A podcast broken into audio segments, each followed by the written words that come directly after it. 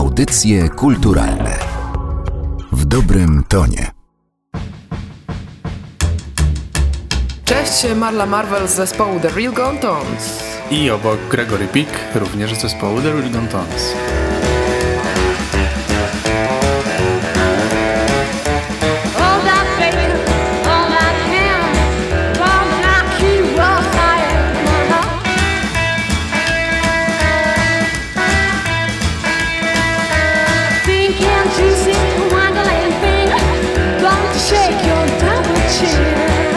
Zastanawiałam się, czy wy byście się odnaleźli w Stanach Zjednoczonych w latach 50.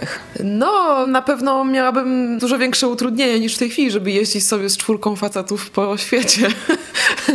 Pewnie mąż zakładałby mi pas cnoty i puszczał mnie za biletami jakimiś w trasę pod zgodą sędziego teściowej i teścia, więc gdybym była facetem, kto wie, może tak. Gdybym była babką, pewnie nie mogłabym sobie tak wesoło śpiewać w zespole, chociaż były różne bohaterskie dziewczyny, gwiazdy country i młode dziewczyny, które śpiewały rock and rolla zanim wyszły za mąż, ale były to pojedyncze przypadki, takie jak Janice Martin, Charlene Arthur, kilka dziewczyn dosłownie.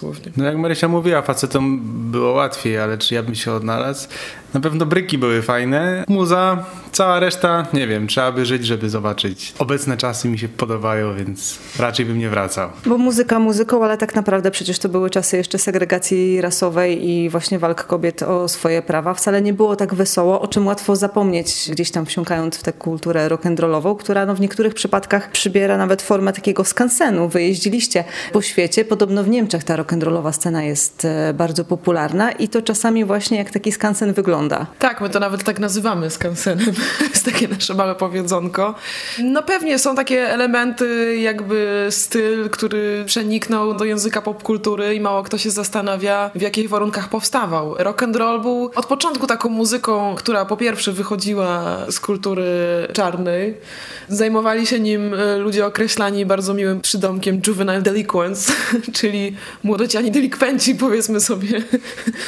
Często nawet jak ktoś słucha rock and rolla, to myślał, o to na pewno tutaj ma jakieś przestępcze zamiary i tak dalej. I szczerze mówiąc, nawet mojej babci do dzisiaj trochę się to tak kojarzy, że jak ktoś ma tatuaże i słucha głośnego rock and rolla, to nie warto z nim zadzierać, więc przed babcią noszę warkocze i sukienki w kwiaty i udaję, że wcale mnie to nie zajmuje. Natomiast babcia sama jest fanką Johnego Cash'a i porozumiewam się z nią za pomocą country po prostu. I tak przemycam rock'n'rolla. Natomiast Elvis i Ricky Nelson i kilka takich męskich, młodych gwiazd sprawiło, że ten rock'n'roll powoli, powoli przenikał do białych, mieszczańskich domów i małżeństw po czterdziestce. No i powoli, powoli, powoli stał się czymś akceptowalnym szerzej. To był cały taki przemysł w pewnym momencie dostarczania młodzieży tych wypolerowanych idoli, ale to nie jest ta część rock'n'rolla, która jest e, obecna w twórczości The Ligantons. Wy jesteście tą częścią bardziej korzenną. Tak, my bardzo lubujemy się w takim garażowym rockabilly, można by powiedzieć. A to się bierze stąd, że w tamtych latach bardzo dużo zespołów nagrywało pojedyncze płytki, single, ponieważ był wtedy boom, coraz więcej było odtwarzaczy w domach, ludzie zaczęli słuchać tej muzyki w domu, także wszystkie wytwórnie muzyczne wtedy rozkwitły, wszyscy wyczuli w tym biznes, pojawiało się dużo zespołów, czasem nagrywali po jednym właśnie dwa utwory i znikali zupełnie z mapy muzycznej. Czasem można znaleźć w tym takie perełki, które właśnie nas najbardziej kręcą, które nie są mainstreamem, są ciężko dostępne, ale nawet na YouTubie jak się pogrzebie, to można znaleźć bardzo fajne rzeczy. I wy się zajmujecie takim grzebaniem i wyciąganiem na światło dzienne tych zapomnianych e, artystów. Tak, to jest y, jakby coś, co nas pasjonuje też i prywatnie i udaje nam się to przenieść na zespół. Mi się wydaje, że można za pomocą tak naprawdę jednej piosenki w dwóch wykonaniach dobrze sobie zilustrować samemu, czym było rockabilly dla muzyki amerykańskiej. Jest taki numer Honey Hush, który nagrał najpierw w wersji R&B Big Joe Turner i to jest super fajny, bujający, nawet sexy numer ale taki taneczny i spokojnie przejdzie w dosyć eleganckim klubie. A potem ten sam numer nagrał Johnny Burnett, który zrobił z tego punk rock na wiele lat, zanim w ogóle punk rock się pojawił. Nagle, kiedy on śpiewa tutaj Honey Hash, bo ja mam ze sobą kij baseballowy na ramieniu, to ile w wykonaniu Big Joe Turnera to brzmi jak taki żarcik małżeński, dosyć brutalny, z którego na pewno nic nie wyjdzie, bo zaraz zjedzą szarlotkę i będą tańczyć w salonie. O tyle, kiedy słuchamy tego w wykonaniu wczesnego, takiego jak Grzesiu powiedział, powiedzmy garażowego rockabilly, to wierzymy, że Johnny Burnett, który na men, na men był bokserem, po prostu zdejmie ten kij baseballowy z pieców i rozgromi wszystkich kolegów, a na koniec, kto wie, może nawet i swoją dziewczynę, jak się nie powstrzyma w porę. Także ten jeden numer pokazuje, czym się różni jakby rockabilly od takiego grania lekkostrawnego. I wam się zdarza czasami przypomnieć tych artystów również dosłownie grając covery na koncertach i dopowiadając e, trochę historii tej muzyki. Tak, to znaczy staramy się grać jak najwięcej swoich numerów, jakby pokazać, że ta muza żyje dalej i to nie musi być tylko symbol lat 50., który my tutaj ładnie odtworzymy w 100% pod lupą i przerysujemy go w najdrobniejszych szczegółach, tylko dodamy też coś od siebie.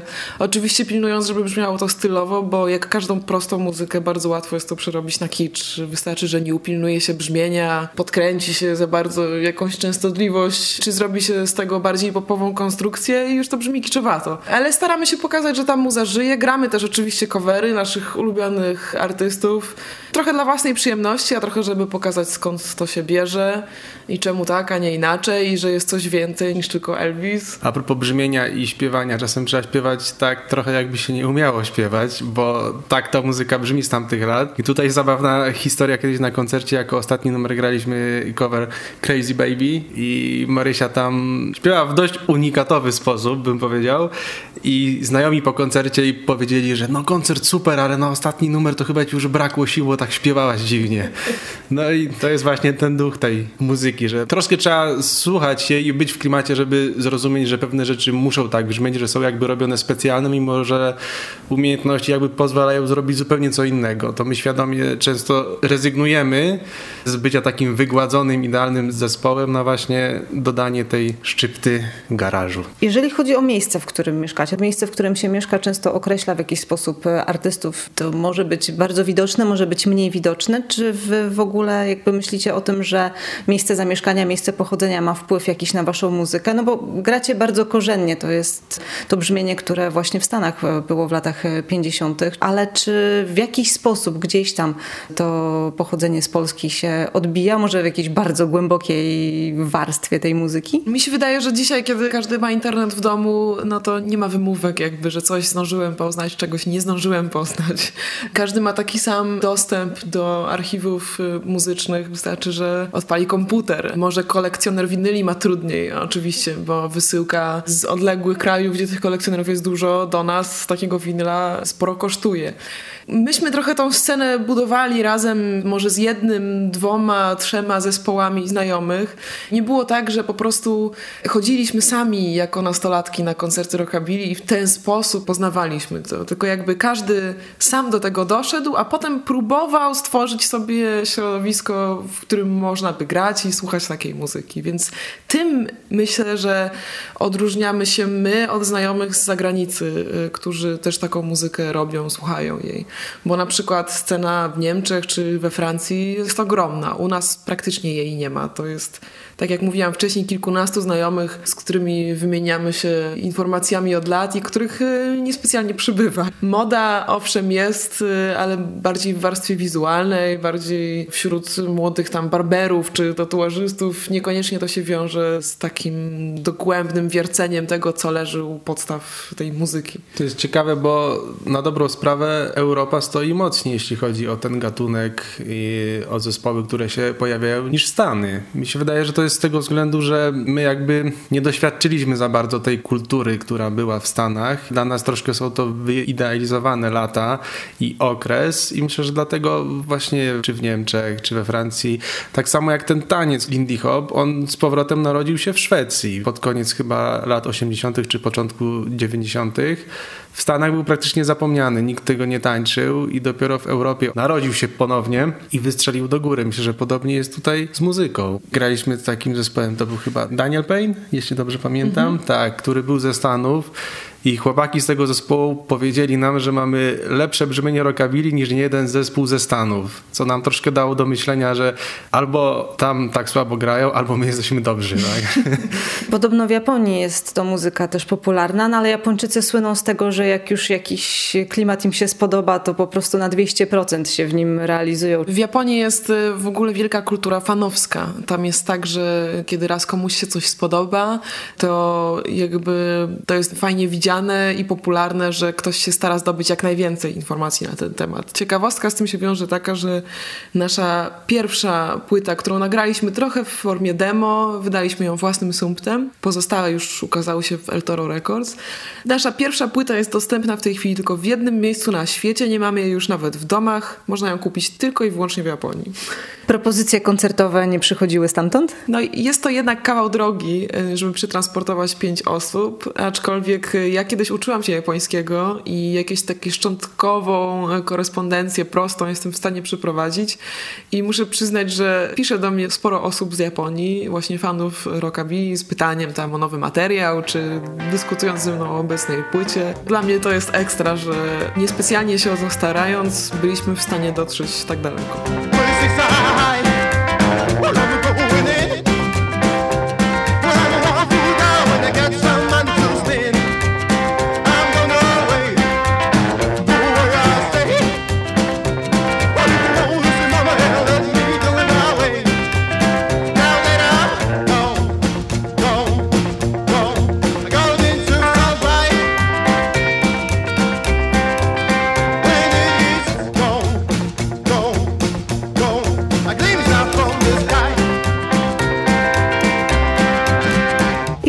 Do The Real Cantons e, i tych płyt, o których wspomniałaś, e, płyty nagrywane dla El Toro Records, e, czyli wytwórni hiszpańskiej, wiązały się z waszą wycieczką do Niemiec, do studiów e, Lightning Records i Black Shack Records.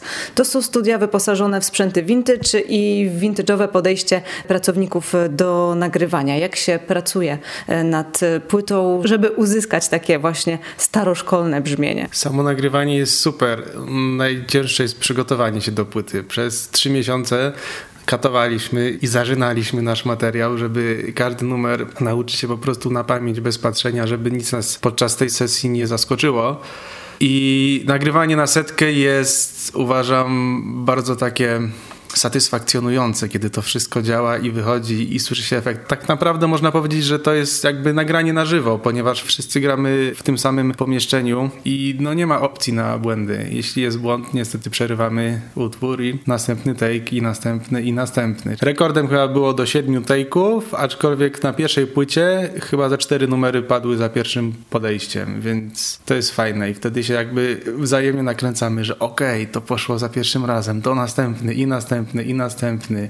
Jest frajda. Jest ciężko oczywiście, taka sesja potrafi trwać do 8-9 godzin, więc jest to męczące, ale radość jest wielka. Radość jest wielka już kiedy się wchodzi do takiego studia i po prostu jak dzieciaki wpuszczone do sklepu z cukierkami patrzyliśmy i na te taśmowe rekordery, na stare mikrofony, nawet same stojaki pod mikrofon już bywają ekscytujące, kiedy się widzi, że one naprawdę są odrapane i wygryzione zębem czasu konkretnie.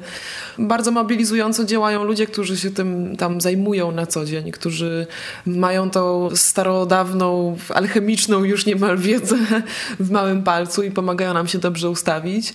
Jest to też, tak jak mówił Grzesiu, duży wysiłek, bo przez kilka miesięcy trenujemy te utwory, żeby nie było wpadki. Czas w takim studiu y, niemieckim jest dla nas bardzo drogi, więc dwa dni to był maks, na który mogliśmy sobie pozwolić, żeby wykupić czas studyjny. No a do nagrania był materiał na całą płytę, kilkanaście numerów, więc trzeba było się sprężyć. Także bardzo wyczerpujące, bo trzeba się pilnować w każdej chwili.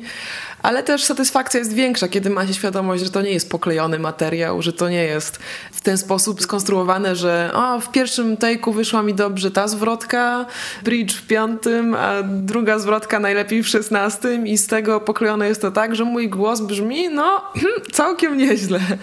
Oczywiście przy wybieraniu take'ów, które wejdą na płytę, wiąże się to z kompromisami, na przykład komuś bardziej się podoba to ujęcie, komuś inne.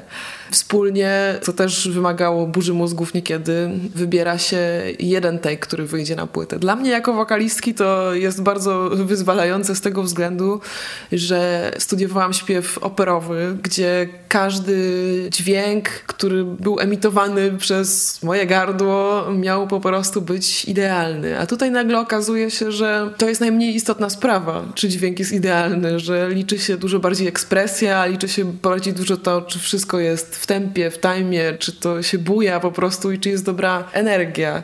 I trochę tak jak dzisiaj jest popularny trend body positive, że nie musisz być idealna, możesz mieć celulit, a i tak jesteś piękna. Tak, y, ja tutaj na poziomie wokalnym mam takie okej, okay, to jest um, energy positive, rock and roll positive głos po prostu. A jak to się stało, że trafiliście do El Toro? El Toro tak naprawdę odezwało się do nas, co było dla nas bardzo, bardzo miłym doświadczeniem, że nie musieliśmy katować mailami wydawców i wysyłać demo w próżnię, które nigdy nie wracają z powrotem, a często też nie dostaje się odpowiedzi. Podejrzewam, że zawdzięczamy to znajomym, których poznaliśmy w trasach, którzy być może szepnęli o nas słówko tu i ówdzie. Natomiast no, głupio było się nie zgodzić w zasadzie od razu podjęliśmy decyzję, że idziemy w to, nawet jeżeli nie wiąże się to ze specjalnym zarobkiem. Wszyscy wiedzą, że na wydawaniu płyt się dzisiaj nie zarabia. Chodziło o to, żeby po prostu dowiedziało się o nas jak najwięcej osób i żeby słowo o naszym zespole poszło w świat. Tak się stało. Dzięki temu, że wydaliśmy płytę w El Toro, właśnie kupili ją Japończycy, Niemcy, Francuzi, Hiszpanie.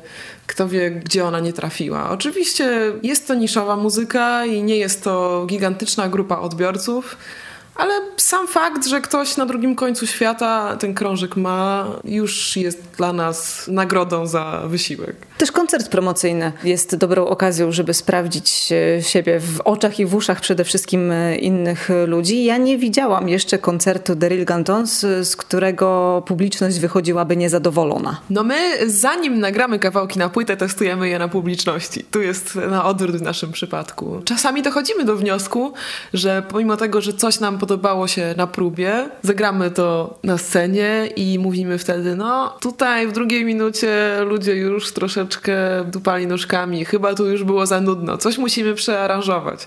To są najlepsi coache i najlepsze wskazówki to są właśnie ludzie pod sceną. Ja pomimo tego, że jestem ślepa jak kret, zawsze zakładam na scenę okulary, żeby to widzieć i jakby wchłonąć na bieżąco reakcje, których nie da się oszukać.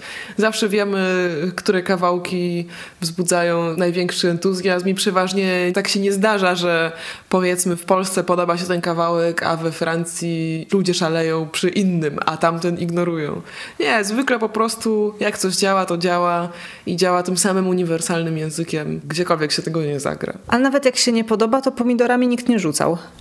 nie, nie rzucał. Raz graliśmy w klubie, w którym były kraty, tak jak w Blues Brothers, ale to był jakby element stylowy wyłącznie i byłam bardzo zawiedziona, że nikt ani jajkiem, ani butelką nas nie rzuci. Now please, please, please consider Let's say she'll rock with her Miss small turkeys and chives Feel her in your schedule So she could dream with, dream with you Dream for you